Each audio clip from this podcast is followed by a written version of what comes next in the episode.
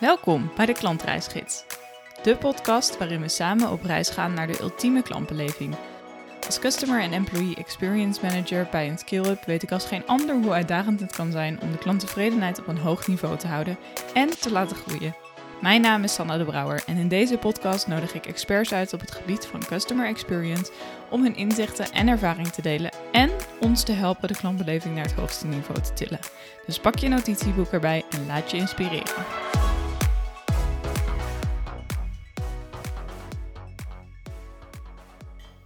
Welkom, Laura. Dankjewel Wat voor de leuk. uitnodiging. Ja, wat leuk dat je um, op de uitnodiging in wilde gaan en dat ik uh, mocht komen naar Doetinchem. Ja, een hele reis. Hele hè? reis. Van de andere kant van Nederland, ja.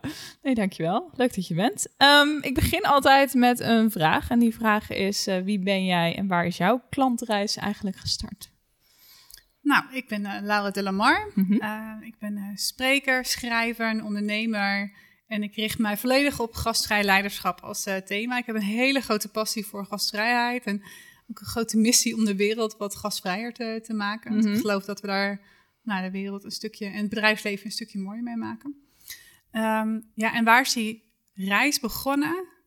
Het is lastig om dat, dat, dat echt terug te, te halen. Mhm. Um, maar ik kan me herinneren dat ergens. Um, mijn zus heeft een, een opleiding gedaan uh, bij Schroevers, dus negen jaar ouder. En ik kan me herinneren dat ik aan het, uh, aan het kijken was door haar boekenkast. Want dat vond ik machtig interessant. En Mhm. toen kwam ik een boekje tegen over etiketten. Oh, En dat vond ik.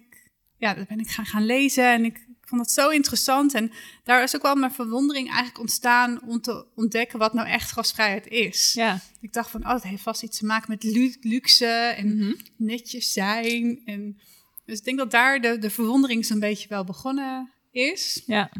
Ehm, en nou, natuurlijk in de horeca gewerkt. Ehm, en eigenlijk is voor mij vooral het, het, het hele vlammetje gaan, eh, eh, gaan branden eh, toen ik in een ziekenhuis ben gaan, gaan werken. Oh ja? Ja, mijn eerste grote mensenbaan noem ik het vaak. Mhm. Dat was in de hoteldienst in een, in een ziekenhuis. Ehm, en we waren met gasvrijheid bezig, want we hadden een nieuwbouwproject. Dus konden we helemaal vanuit scratch gaan nadenken over nou, hoe gaan we het eten en drinken regelen en wat voor concepten gaan we daar bieden. Ja. Uh, dat was heel gaaf. Uh, totdat ik uh, zelf in het, in het ziekenhuis terecht kwam als gast, Oh. als patiënt. Mhm. Ja, en toen ben ik best wel geschrokken, want het had heel weinig te maken met de dingen die ik belangrijk vond, het eten en drinken. Maar had al, ja, mijn beleving vooral te maken met de medewerkers, die, hoe ze met je omgingen. En Mhm. het was soms warm en prettig, maar heel vaak ook ja, heel ongastvrij. Ja. En um, ja, toen ging ik me steeds meer beseffen dat, dat gastvrijheid veel meer te maken heeft met de mensen. Uh, en ik zag dat medewerkers als een, ja, zo hard aan het hollen waren en nou, gewoon echt niet meer zagen wie er nou tegenover je zat en wat Ja. voor behoeften daar uh, uh, lagen. Mhm. Dus toen uh, ben ik me eigenlijk helemaal gaan focussen juist op het gedragsaspect. Oké. En uh, dat was volgens mij denk ik 18, 20 jaar geleden. Mhm. Het grappige was dat in die tijd er heel weinig was, geschreven was of informatie was over gastvrijheid buiten de horeca. Ja. Um, er was één artikel en er waren wat sprekers. En je had wel wat trainingen met de trainingsacteur. En dan ga je leren hoe het moet en dan Mhm. ga je dat intrainen. Maar dat had heel weinig effect. Oké.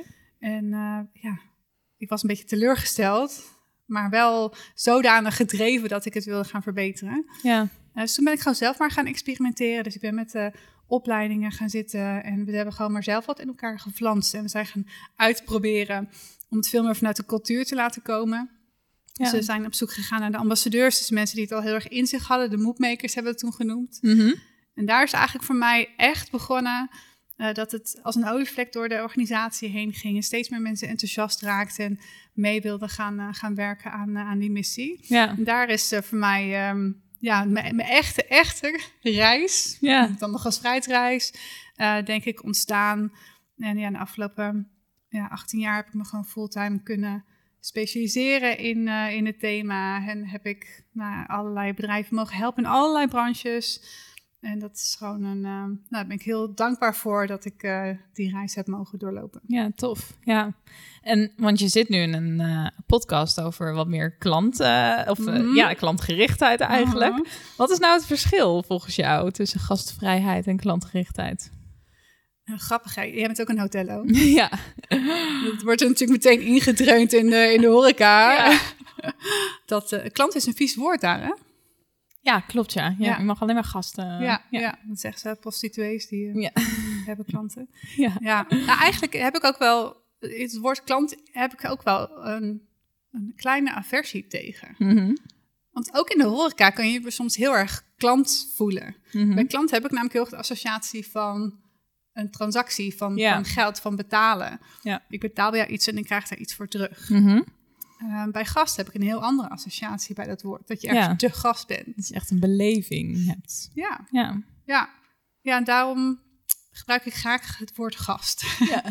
Eh, omdat dat een andere beleving is, denk ik, dan dat je ergens te klant bent. Mhm.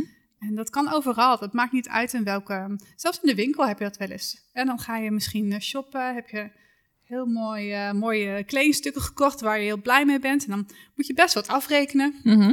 En dan zie je het heel vaak gebeuren dat dan ja, klantgerichtheid eindigt bij pinnen. Ja. Ja, dat, het dan, eh, dat er nog net misschien een goed er vanaf kan. Hè? Ja. Ehm, dus eh, ja, klantgerichtheid. Ja, eigenlijk zie ik eh, dat er zeker heel veel overeenkomsten zitten, maar dat er ook een groot verschil in, in zit. Maar voordat ik het vertel, Ja. ben ik heel nieuwsgierig hoe jij het ziet. Want jij hebt natuurlijk ook alle werelden Ja, meegemaakt. ja. Ja, kijk, bij, als je mensen ontvangt in een restaurant, is het natuurlijk zo dat ze, dat ze echt voor de beleving komen. En bij klantenservice, nu dat ik in een bedrijf werk met echte producten, merk je dat klanten komen voor dat product. Niet per Mhm. se vanwege die beleving. Dus ik, ik heb een beetje het gevoel dat het daarin zit. Dat klanten, ehm, ja, of ze komen voor het lekkere eten, dat zou ook natuurlijk kunnen. Maar je probeert iets toe te voegen in plaats van dat een klant iets daadwerkelijk nodig heeft, zeg maar. Hmm. Dus misschien zie ik daar een beetje de split. En natuurlijk heb je bij gasten die. Ik zou denken dat als je bijvoorbeeld een Coolblue, die, heeft, die is natuurlijk een compleet online store. Ehm, maar die heeft ook offline stores. En ik zou denken dat die daar, de mensen die daar komen, gasten zijn. En de mensen die online bezoeken, een soort van klanten Mhm. zijn. Dat het toch dat online-offline Mhm. verschil een beetje is. Kan, ja. Ja, weet je, eigenlijk maakt niet uit hè, of je klanten, gasten, cliënten, patiënt, dan noem je Nee. pannenkoek. Het gaat om Ja. wat voor gevoel je geeft. Ja, Daar gaat het eigenlijk om. Ja. Ik denk dat dat is in, in mijn... Maar goed, het is natuurlijk hoe je zelf daar invulling aan geeft. Hè. Als de klantgerichtheid is voor mij ook prima. Maar voor mij gaat het heel erg over het gevoel dat je geeft. Ja.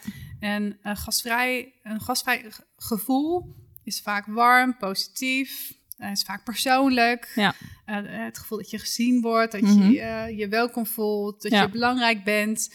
Ehm, en wa- wat ik heel vaak zie bij klantgerichtheid, maar nogmaals, het is hoe je er zelf invulling aan geeft, dat het Mhm. heel erg ehm, zit aan de middelen en hoe je eh, het organiseert. Mhm. Bij klantreis gaat het heel vaak, of klantgerichtheid gaat heel vaak over de klantreis. Gaat het over hoe je het als bedrijf inregelt en de Ja. processen en de services. Ja, precies. Ehm, maar er zit best wel een verschil. Ik zie het eigenlijk ook als twee werelden. Gastvrijheid gaat over wat je geeft, maar ook wat je, wat je ervaart, maar ook hoe je het als organisatie doet. Mhm. En ik zie heel vaak dat bij klantgerichtheid heel erg gaat over hoe organiseer je het als bedrijf. Mhm. Het kan best zijn dat jullie een hele mooie organisatie eromheen hebben gebouwd, maar de vraag is alsnog, ervaart iemand het als gastvrij? Ja. En dat is zo lastig, eigenlijk ook al hoe we eh, jarenlang klantgerichtheid hebben ingevuld. is heel erg vanuit, nou, als we deze tien stappen uitvoert, dan ben je klantgericht. Mhm. En we snappen nu veel meer, omdat we ook natuurlijk vanuit de ehm, psychologie en de neurowetenschappen steeds meer snappen dat beleving heel erg te maken heeft met gevoel, met emotie. Dat het heel erg persoons- en momentafhankelijk is. Ja. En daarom vind ik gastvrijheid zo machtig interessant. Ja. Ehm, omdat je daarmee ja, in dezelfde klantreis het voor een een, eh, de ene persoon een 9 plus is en voor de ander misschien helemaal niet zo bijzonder is. Nee, precies. En dat vind ik interessant. Ja, het Ja. heeft echt met gevoel te maken en dat kunnen processen en services en klantreizen niet per se geven. Niet per se, het gaat Nee. zeker helpen. Ja, En het is zeker belangrijk om het te fixen, maar het is een denkfout om te denken dat het daarmee automatisch resulteert Mhm. in een gastvrije ja, beleving of een klanttevredenheid of loyaliteit. ja, precies. Ja. Ja. Ja. Ja, dus ik vind het heel mooi om het echt vanuit de wetenschap, eh, vanuit de psychologie te, aan te vliegen. Ja. En ehm, dan ga je ook op een andere manier naar het thema kijken dan de traditionele manier die wij misschien in onze opleiding hebben gehad. Ja, precies. Ja, ja, mooi. Ehm, elke podcast bereid ik ook wat stellingen voor. Mhm. En eh, drie stellingen waar we eventjes doorheen gaan voordat we verder eh, over je boek gaan praten. Ehm, nou ja, de stellingen zijn ook wel een beetje geënt op je boek natuurlijk. Stelling Fijn. 1 is gastvrijheid zit niet in luxe, dure zaken en ingewikkelde programma's. Met kleine acties kun je een enorme impact hebben, Ja. maken. Mooi. Ja, eens. Ja, helemaal. Ja, Ja, het eerste hebben we het al een beetje over gehad. Wat ik wel, wel heel mooi vind, is eigenlijk eh, de- met de hele opkomst van internet en programma's als, als Booking, als, Silver, Mhm. zag je ineens natuurlijk dat die vier, vijf sterren hotels een probleem kregen. Omdat ineens een simpele bed and breakfast, Mhm. nou, misschien moet je het niet simpel noemen, maar als je vergelijkt de bedrijfsvoering met elkaar misschien wel, ineens 9 en 10 scoren. ja, En mensen eh, ja, niet meer kijken naar al die, al die eh, extraatjes. Ehm, dus als je kijkt naar beleving eh, en hebt over etiket en luxe, zeker is dat belangrijk. Maar de verwachting is dan ook veel hoger. En moet je nog meer je best doen om dat te, eh, dat te overbruggen Mhm. ehm, en die ver- verwachting te overtreffen. ja, Eh, dus het mooie is dat dat eigenlijk het besef is gekomen dat die negens en die tienen vaak met andere dingen te maken hebben ja, eh, dan met, met die dure, ingewikkelde dingen. ja. Het heeft in de kern te maken met oprechte persoonlijke aandacht. Mhm. En dat kan zeker ook in details eh, zitten. En het kan zeker ook in aandacht zitten in een mooi gebouw. Eh, maar het hoeft niet zo ingewikkeld te zijn. Nee. Het kan gewoon ook in een connectiemoment zijn tussen twee mensen, tussen een glimlach. Eh, het kan zitten in ehm, nou, een goede vraag stellen om te, te achterhalen hoe het met iemand gaat of wie iemand Ja. het beste kan helpen. Ja. En ja, en ook als je het hebt over grote programma's, vind ik ook wel weer een, een mooie. Je ziet ook dat dat bedrijven soms heel veel geld uitgeven aan trainingen en trainingen en trainingen. Overigens ben ik ook trainer, dus dat is echt niet commercieel wat ik doe. Eh, we geven hele leuke trainingen vanuit gastvrijheid in bedrijven, effectieve trainingen, maar het is niet een totaaloplossing. Nee. Ehm, en als je het hebt over kleine gebaren, gaat geldt het niet alleen in gastvrij zijn voor je klanten, gasten, maar geldt het ook in kleine gebaren die je als leider kan eh, toepassen in je dagelijkse praktijk om die gastvrijheid te laten groeien in je bedrijf. Ja. ja, en om echt die gastvrijheid ook te laten zien vanuit je eigen kern, vanuit je Ja. eigen Ja. naar andere medewerkers, zeg maar. Ja, door het goede voorbeeld te geven, Ja, precies. door echt de tijd te nemen om te zien hoe het gaat met je, met je collega, Mhm. Eh, maar ook inspiratiemomentjes te organiseren. Ja. ja, want hoe doe jij dat? Ben ik wel nieuwsgierig. Hoe inspireer jij je medewerkers? Ja, ik zit dus nu iets langer dan drie jaar bij Blue Current. En ik heb inderdaad de rol Customer en Employee Experience Manager. Fantastisch, overigens. Ja, Het is echt zo. Ja. Ik heb weinig bedrijven waar die combi zo goed is gemaakt. Ja. Top. Ja, alleen ben ik de afgelopen tijd wel echt meer die klantenkant eh, bezig geweest. Mhm. En merk ik nu wel dat, je, dat het nu echt belangrijk is om wat meer weer die employee kant zeg maar op te gaan. Eh, en juist die combinatie, want dat Ja. is zo belangrijk inderdaad wat je Ja. zegt. Ehm, hoe doe ik dat? Ik doe dat denk ik... Ja, we hebben mm, elke maandag bijvoorbeeld een check-in met z'n allen, het hele bedrijf. En daarin probeer ik elke maandag ook een klantverhaal te vertellen, zeg maar. Om het op die manier over te brengen. Maar dat is nog niks in vergelijking met wat je allemaal zou kunnen doen. Ja. Want ik was toevallig vorige week op eh, bezoek bij Centraal Beheer in Apeldoorn. Ehm, en daar viel ontzettend op hoe zij communiceren naar hun medewerkers hoe belangrijk die klant is en hoe belangrijk klantgerichtheid is. En bij ons scheelt het dat het al in het DNA, nou ja, tenminste, het, vanuit het management gezien, is het al een heel belangrijk onderwerp. Dat scheelt een heel En- stuk. Ja, precies. Ja, ja. En daardoor heb ik ook af en toe zoiets van: ja, maar jullie weten dat toch allemaal? jullie weten toch dat klantgerichtheid gewoon een onderdeel is van ons werk, zeg maar. Maar toch die tools aanreiken en zorgen dat ze er echt dagelijks mee bezig zijn. En zorgen dat ze er echt dagelijks aan herinnerd worden, zeg maar. Blijft heel erg belangrijk. En dat zag ik maar weer bij Centraal Beheer, waar ze echt van alles hadden staan en hangen. En allemaal inspiratie over van alles en nog wat. Dat was echt tof. Gaaf. Ja. Ja. ja, dat was voor mij ook wel echt een, een eye-opener. Ik heb voor mijn nieuwe boek Gastvrij Leiderschap... ehm, ik ben eerst gaan, gaan schrijven. Eigenlijk Mhm. zou je het andersom denken, hè? Dat eerst mensen interviewen en dan ja. schrijven. Maar ik heb het andersom gedaan. Ik heb eerst op reis gegaan. Ik heb eerst mijn eigen hoofd leeggehaald... door, door al mijn gedachten op te schrijven. Mhm. En toen heb ik de, de 25 meest gastvrije leiders... naar mijn inzicht en vanuit mijn community-nominaties... die heb ik geïnterviewd. Ja. En het gave was dat zijn mensen uit allerlei branches. Dus IT, horeca, eh, zorg, van alles en nog wat. Ja. En uh, ik had ze allemaal dezelfde vragen gesteld en alle antwoorden lagen op één lijn.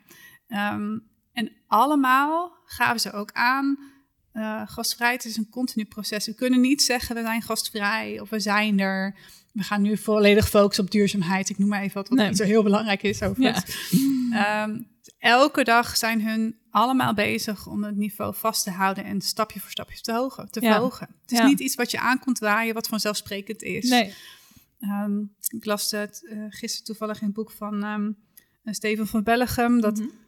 80% van de CEO's vindt zich zijn bedrijf gastvrij en 8% van de klanten is het daarmee eens. wow. ja.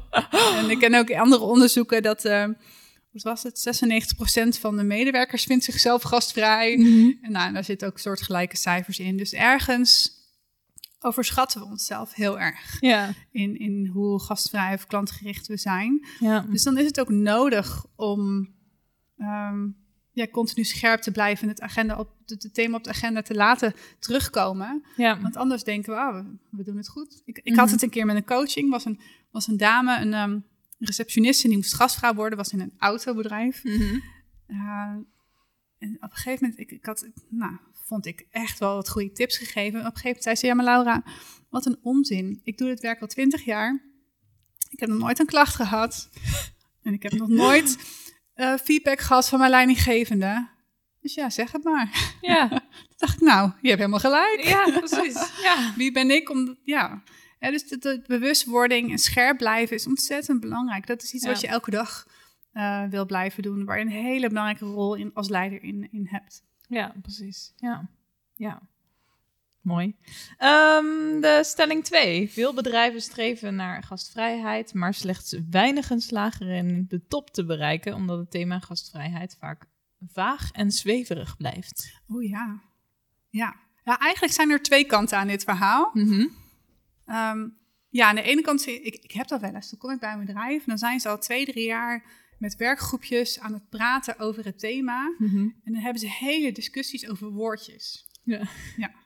Ik kom uit de Achterhoek. En in, mm -hmm. in, in uh, het Neder-Saxisch heb je het woord neulen. Ken je dat? Nee, dat ken ik niet. Nee? Nee. Ja, neulen is, um, ja, hoe zou je het ver, ver, ver, vertalen? Zeuren, uh, blijven hangen mm -hmm. uh, op iets. Ik noem het visieneulen. Oftewel, heel lang blijven praten over uh, ja, wat het dan is en, en wat voor gastvrijheid je wil bereiken. Ja. En dat is een super slimme tactiek. Wat ja. dat betekent dat je niks hoeft te doen. Nee, precies. Hoef je er niet mee bezig te zijn. Ja. ja. ja. Um, dus als je niet verder wil gaan en het heerlijk comfortabel wil, gewoon lekker nog een paar jaar doorgaan daarmee. Ja, en dan um, over een paar jaar doodbloeden omdat ja, uh, ja, ja, het heeft overgenomen. Ja, ja dus, dus het, het, gaat zeker helpen om het concreet te maken en een visie op gasvrij te hebben. Ja. Um, en ook gewoon vooral aan de slag te gaan. Maar het grappige is dat je ook een andere kant van de medaille uh, hebt. Dus je ziet of bedrijven die heel erg blijven hangen en niet verder komen omdat ze niet van het praten in actie kunnen komen. Mm -hmm. Of bedrijven die juist alles hebben vastgelegd. En dat zie je natuurlijk heel veel, juist in de CX-wereld. Ja. Uh, CX, moet even goed uitspreken.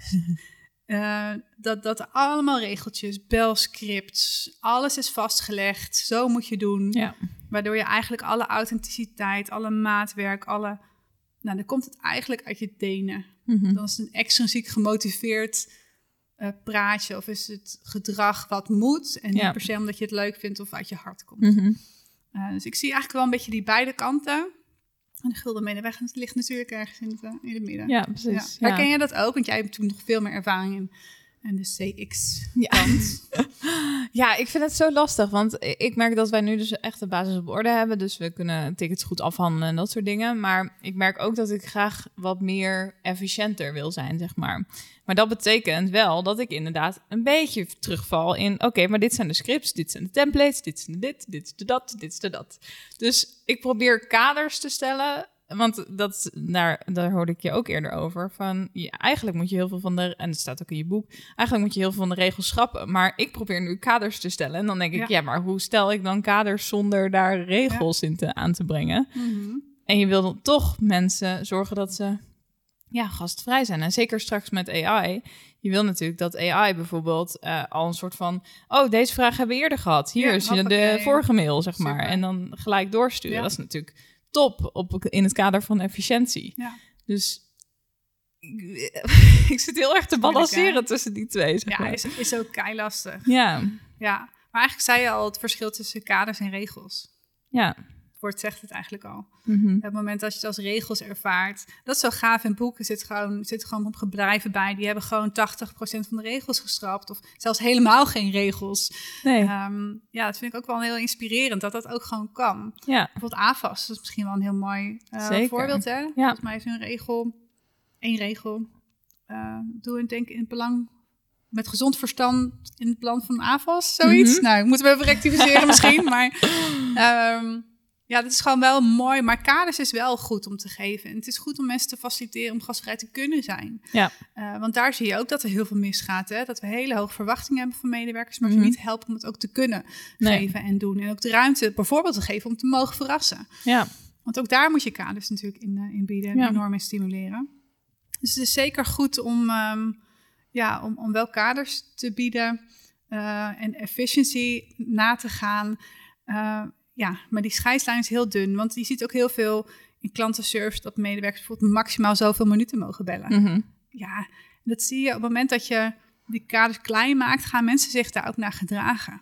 Ja. Eh, en dat is eh, ja, gevaarlijk. Ja.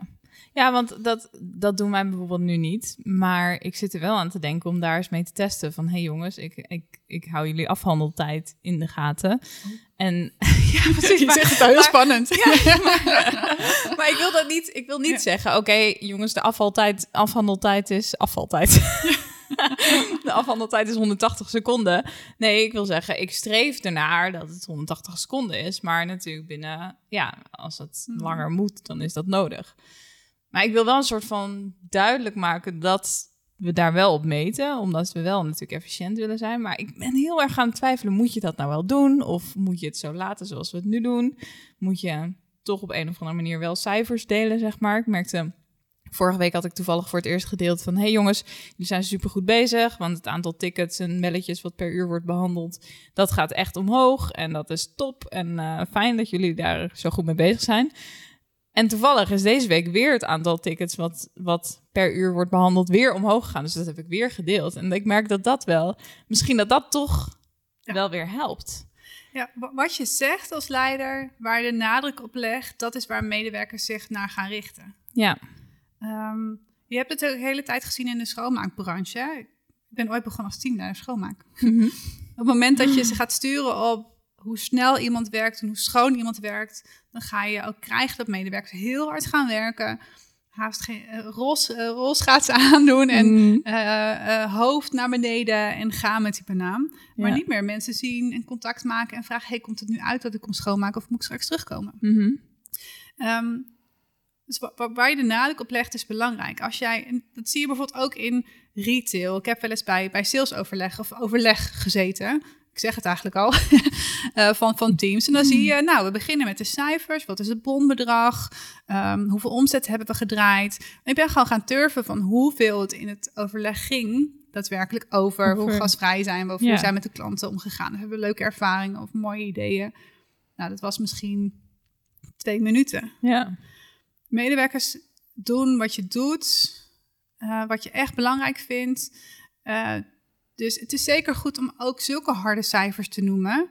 Eh, maar besef je wel dat de impact daarvan heel groot is. Ja, dat is wel waar. Eh, ja. Dus het gaat denk ik om een goede balans tussen ehm, klantgerichtheid, gastvrijheid en efficiency. Mhm. En als daar een goede balans, een sweet spot, spot ergens in het midden is, eh, dat is balanceren en zoeken.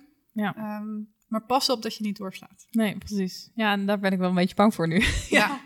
Ja. En dat is denk ik, dat is misschien ook wel de oplossing. Dat je juist wat meer ehm, de, nadenkt over hoe voorkom je in plaats van hoe genees je. En elk klantcontact dat je hebt, dat je daar een feestje van maakt. Ja. Dus juist naar de rest van de organisatie gaan en gaan zeggen... hey, 30% ging over eh, iets met de financiën. Kunnen we daar iets aan doen? In plaats Ja. van het in de efficiëntie oplossen in de klantenservice... juist naar de rest van de organisatie Exact. gaan en Ja. de problemen voorkomen. Ja, En dat, dat is, kijk, uh, gastvrijheid, klantgerichtheid is belangrijk, maar het is niet urgent. Nee.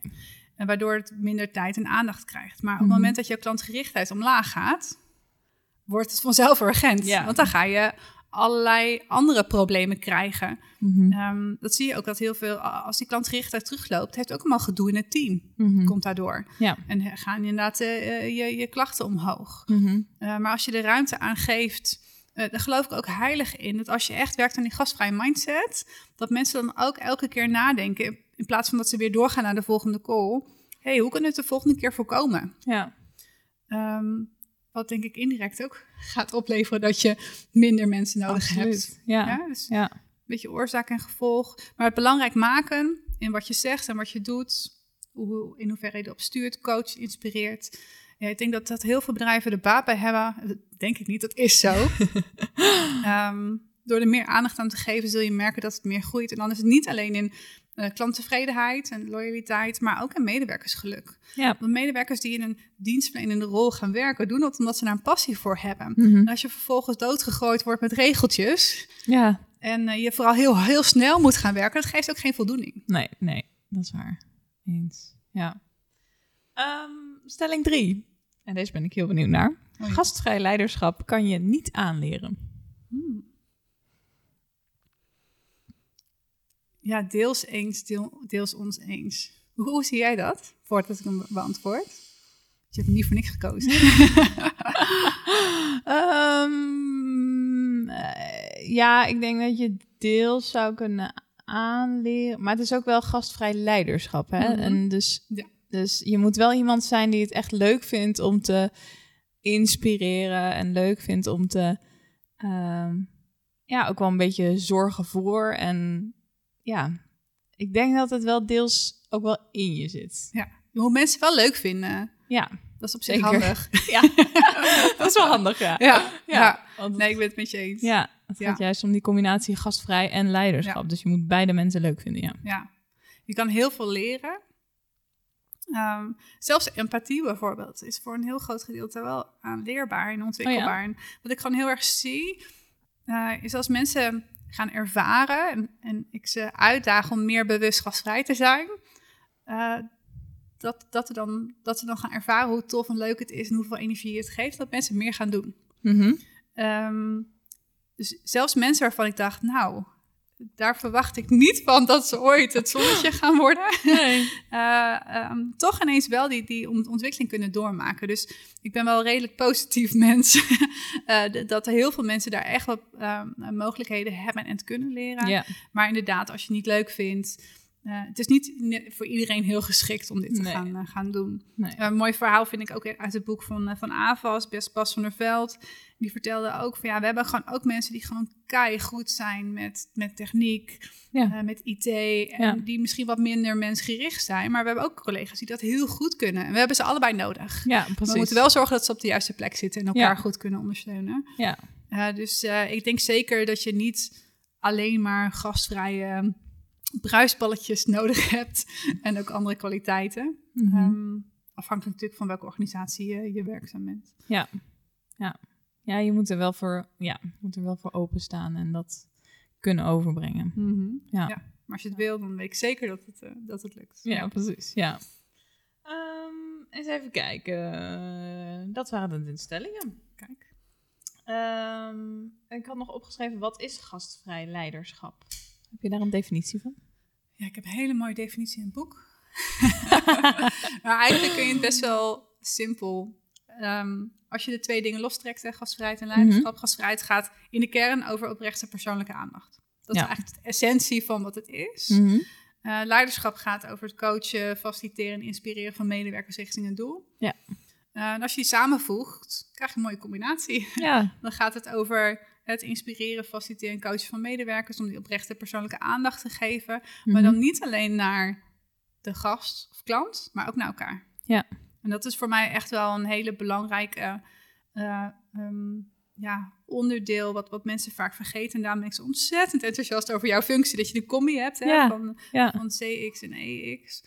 Uh, want het begint wel intern. Mm -hmm.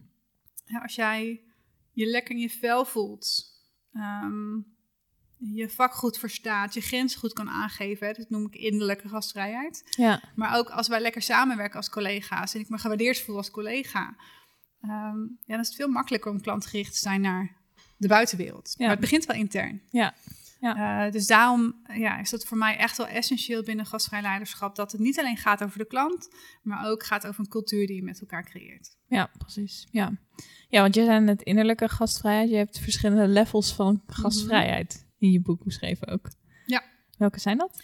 Ja, externe gastvrijheid, interne gastvrijheid en innerlijke gastvrijheid. Mhm. En eigenlijk is die laatste voor mij pas sinds de laatste denk jaar, twee jaar pas zo duidelijk eh, naar boven gekomen. Mhm. Het kwam ook omdat een van ons best lopende training eh, was ehm, eh, gastvrij omgaan met lastige situaties. Oh. Of met eh, agressie of Mhm. met lastige, tussen aanhalingstekens, eh, eh, klanten. Ja. Je ziet dat, dat, dat bijvoorbeeld het grenzen aangeven een superbelangrijke belemmering soms voor medewerker is om gastvrij te zijn. Mhm. Eh, en mensen daar weerbaarder mee maken, heeft uiteindelijk ook het effect dat ze gastvrijer zijn. Ehm, en ik was al wel duidelijk overtuigd dat gastvrijheid naar klanten en medewerkers, collega's onderling, dat dat daar al een belangrijke relatie in zit. Er is natuurlijk al heel veel wetenschappelijk ook al onderzoek Ja. naar gedaan. Maar die derde laag was voor mij wel nieuw. Ehm, en je ziet, nou, dat zei je eigenlijk eerder ook aan het gesprek, dat bedrijven vaak beginnen bij die externe gastvrijheid. Hè? Hoe gaan we Mhm. onze klantreis verbeteren? Ja. Ehm, en dan vervolgens denken, ah, nu ben ik klaar. Ja, precies. En maar de essentiële vraag is: wat maakt dat medewerkers soms minder gastvrij zijn? Mhm. Er zitten al een paar dingen in, hè, dat medewerkers in de basis vaak wel gastvrij zijn. Dus ook niet altijd per definitie hoeven aan te leren. Nee. Ehm, maar dat er dus ook allerlei krachtenvelden spelen. Wat maakt dat mensen soms minder gastvrij zijn? Mhm. En het kan op verschillende vlakken liggen. Het kan bij je persoon liggen. Dat je misschien je workload te hoog is, waardoor je nou, het water trappelen bent. En ja, dan heb je ook niet meer genoeg energie over Nee. om eh, oprecht gastvrij te zijn. Maar ook in het team zie je het heel vaak misgaan. En dat kost ook gewoon heel veel energie die je niet doorgeeft naar je klanten. Dus Ja. ik vind dat elke manager daar, eh, of leider, daar oog voor moet hebben om te zien Mhm. eh, wa- wa- wa- waar ligt nog groei? En niet alleen te kijken naar de externe kant. Nee. Maar ook echt te zien, hey, waar heeft mijn medewerker, mijn team op dit moment nodig om te kunnen floreren? Ja. Ehm, maar ook daar het goede voorbeeld in geven. Ja. Want ik zie juist ook heel veel leiders, ben er zelf ook een van, ehm, die het ook niet altijd eh, eh, goed voor jezelf zorgt. Nee. Eh, en nou, dan heb ik vaak wel door van mijn collega's van, oh, wacht even, die moet ik even wat gaan coachen om gas terug te geven. Ja. Maar je moet daar zelf ook het goede voorbeeld in, in geven, want dat Ja. nemen mensen over. Ja. Precies. Ehm, ja, dus je hebt daar een, een faciliterende rol in, maar ook een voorbeeldrol als Ja. leider. Ja, zeker. Absoluut. Eens. Helemaal eens. Ehm, ja, ik had deze wel opgeschreven. We hebben het natuurlijk een beetje gehad over dat ik in een skill-up werk. Ehm, eh, en dat ik dus eigenlijk wat meer op dat stukje gastvrijheid in plaats van die efficiëntie moet gaan zitten. Maar hoe neem je dat nou? Waar begin je? Hoe neem je dat nou mee in je organisatie? Omdat je zoveel in de operatie bezig bent. Hmm. Dat zal, zal vast weer iets met die kleine stapjes te maken hebben. Ja, je vult hem zelf al in. ja, ja, we maken het vaak zo groot. Ja, Eh, terwijl die, die kleine acties eh, vaak het grootste effect hebben onder de, de waterlinie. ja, Ehm, ja, als je iemand een compliment geeft als hij heel gastvrij is. Of je stelt iemand even eh, tijdens je, je dag start in het zonnetje... omdat hij een super gastvrije actie heeft ondernomen. ja, Ja, dat heeft mega veel impact. Ja. Eh, dus als ik kijk naar, naar de mensen om me heen... waar ik ook probeer eh, mensen te coachen en te stimuleren... is nou, het goede voorbeeld geven. Heel veel complimenten geven. eh, maar ook gewoon het gesprek erover aangaan. Mhm. Het, de, de, de vraag stellen: hey, wat, wat vindt onze klant hier eigenlijk van? ja, Uh, of de vraag stellen: hey, hoe vind je mij eigenlijk? Waar, waar Mhm. vind je dat ik nog in kan groeien? ja, Gewoon één vraag kan al zoveel teweeg brengen en zoveel impact maken. ja. Ehm, als je daarmee begint, al zou je dat vijf minuten per dag doen, Mhm. ja, daar weegt geen jaarlijkse gastvrijheidstraining tegenop. Nee, precies. Nee. Nee. Maar het is zeker goed om, om vooral medestanders te vinden. Want nou, jij bent denk ik een organisatie Mrs. eh, klantgerichtheid. Ja. of heb je een andere naam? wel. Heb je al een bijnaam? Nee, ik heb geen Oh, bijnaam. nou, nee. bij deze, Ja. alsjeblieft. Bedankt. Eh, maar het mooiste is wel dat je mensen om je heen verzamelt die dezelfde mindset hebben, dezelfde gedrevenheid hebben. Dat het niet Ja. alleen aan jou hangt. Nee, Want precies. stel, eh, jij gaat een andere baan zoeken, hoop je natuurlijk wel dat je een soort legacy hebt Ja, achtergelaten. precies. Ja, En het werkt alleen ehm, door, door, door paid forward te creëren. Dus dat Mhm. je medewerkers om je heen activeert om het ook uit te gaan dragen. Ja.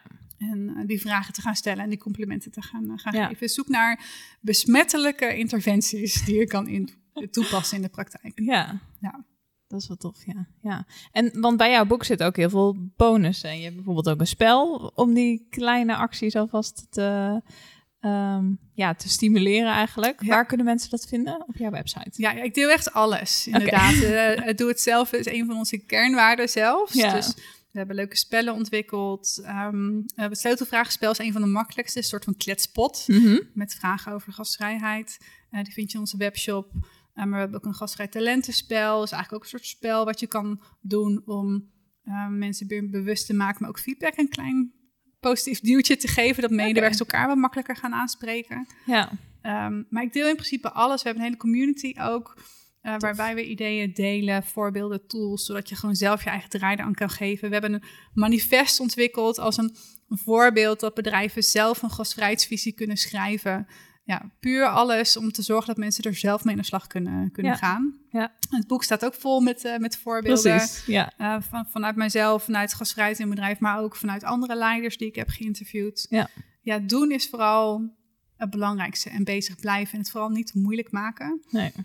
Overigens, uiteindelijk moet je het wel moeilijk maken. Dat is denk ik wel belangrijk. Als jij een jaar, Ja. twee jaar verder bent, dan is het Ja. wel handig dat je een strategie hebt Ja. en een visie hebt en dat het groter is geworden. Uh, maar als je het nog in het begin staat, is dat denk ik wel de... de want als mensen voelen, ervaren hoe, hoe leuk, belangrijk en impactvol uh, dat gastvrij gedrag is, dan gaan mensen volgen. Want je kan nu wel met een heel mooi businessplan met allemaal wetenschappelijke uh, aanhalingen naar je Mhm. boord toe gaan. Mhm. maar die gaan het pas, um, ook zij gaan het denk ik pas doen op het moment dat ze het ervaren en zien Ja. hoe effectief het is. Ja, precies. Ja. Ja. En want hoeveel eh, mensen kun je dan als gastvrij leider leiden? Is, dat, is daar een max? Hmm. Ik denk dat daar wel een maxima aan zit. Ja. Oh, ik, ga, ik, ik heb eens gelezen, je hebt het over span of control, Mhm. Dat het max 5 tot 15 of zo, dat, dat zijn wel een beetje Oh ja. de richtlijnen. Ja. Het ligt, eigenlijk kun je daar niet zo heel erg een, een getal aan hangen wat mij betreft. Want het ligt heel erg aan jouw team. Ja. Er zijn dat studenten bijvoorbeeld Mhm. in jouw geval best Mhm. wel een aantal. Ja. Of zijn dat ervaren professionals Ja, die heel precies. zelfstandig zijn. Ja. Nee, dat is Ehm, waar. Ja. Ja, dus ik denk dat het heel lastig is, maar ik ben het wel met je eens dat te grote team. Ik had laatst een zorgorganisatie. Mijn god, zo sneu. Die mensen hebben gewoon honderd mensen aan te sturen. Wow. Ja, dat kan Hoe toch dan? niet? Dan kun je toch geen aandacht geven? Dan Nee. toch, ja. Nee, daar, Wauw. daar, daar, daar, daar denk ik niet dat het heel erg gastvrij is. Nee. nee. Ja. Oké. Het Nou. hoeft niet altijd trouwens echt leidinggevend dun te zijn. Je Nee. kan natuurlijk ook heel veel doen met informele leiders. Ehm, maar ik ben het wel met je eens. Uiteindelijk zit ook best een harde kant aan gastvrijheid. Ja. Het is echt ook wel belangrijk dat er soms keuzes worden gemaakt, maar ook medewerkers aangesproken worden, Ja. eh, die aangesproken moeten worden. Want dan Mhm. krijg je echt een etterende wond soms in een, Ja. in een team. Dus Ja. het, het is niet alleen maar aardig, lief en aandacht. Er zit Nee. ook wel een harde kant aan. Ja, precies. Ja. Ja. Volgens mij kunnen we nog du- uren doorkletsen, maar eh, we zitten al over de tijd. Oh, echt? Oh, Ja, ja. dus eh, is er nog iets wat jij aan de luisteraar wil meegeven? Ik denk dat het heel erg belangrijk is gewoon dat, dat die medewerker ook op één staat. En dat die echt een, ja, echt een belangrijke, ja, ik wil niet zeggen middel, ook niet resource, Mhm. maar dat, eh, dat echt wel een belangrijke bron van gastvrijheid is. En communicatie naar de klant. dat, dat zijn de medewerkers die het, de medewerkers zijn het die het elke dag doen. Ja, En eh, zeker zijn de leiders heel belangrijk. Nou, misschien is dat wel mijn laatste tip, wat me ook heel opviel in de, in de onderzoeken, maar ook in de interviews, dat het zo belangrijk is dat je weet wat er speelt op de werkvloer. Ehm, er waren bijvoorbeeld bij de Efteling, daar, daar, daar werkt elke leider verplicht minimaal zoveel dagen mee op de werkvloer. ja. Ehm, ik had ook een onderzoek gelezen, dat noemen ze de Iceberg of Ignorance Mhm. waarbij onderzocht was dat de top eigenlijk nauwelijks weet wat de echte problemen op de werkvloer eh, eh, zijn. Dus ehm 4% was het van de CEO's weten wat er echt speelt op de werkvloer. Ja. Uh, 9% van de middenmanagers, ik heb het even opgeschreven, 76% van de supervisors weten wat er speelt, maar 100% van de werkvloer weet wat er echt speelt. Dus ja. ook daarbij is denk ik heel belangrijk dat uh, leiders op de klantenservice meedraaien. Ja. Maar juist ehm, echt zien wat de mensen die in de frontlinie staan, wat die ervaren en nodig hebben. Ja. En, en hoe zij geïnspireerd en gemotiveerd blijven om gastrijk te zijn. Ja. Dus daar is een, eh, mijn laatste oproep om ehm, ja, het gesprek aan te gaan en mee te kijken en te weten Ja. wat er speelt. Mooi. Dankjewel Laura voor dit eh, leuke gesprek. Ja, bedankt. Wat tof dat je hebt geluisterd naar deze aflevering van de Klantreisgids. Wil je weten wat ik en andere luisteraars zoals jij hebben gedaan met de tips en inspiratie uit deze aflevering? Sluit je dan aan bij de Klantreisgidsgroep op LinkedIn. Dankjewel voor het luisteren en tot de volgende keer.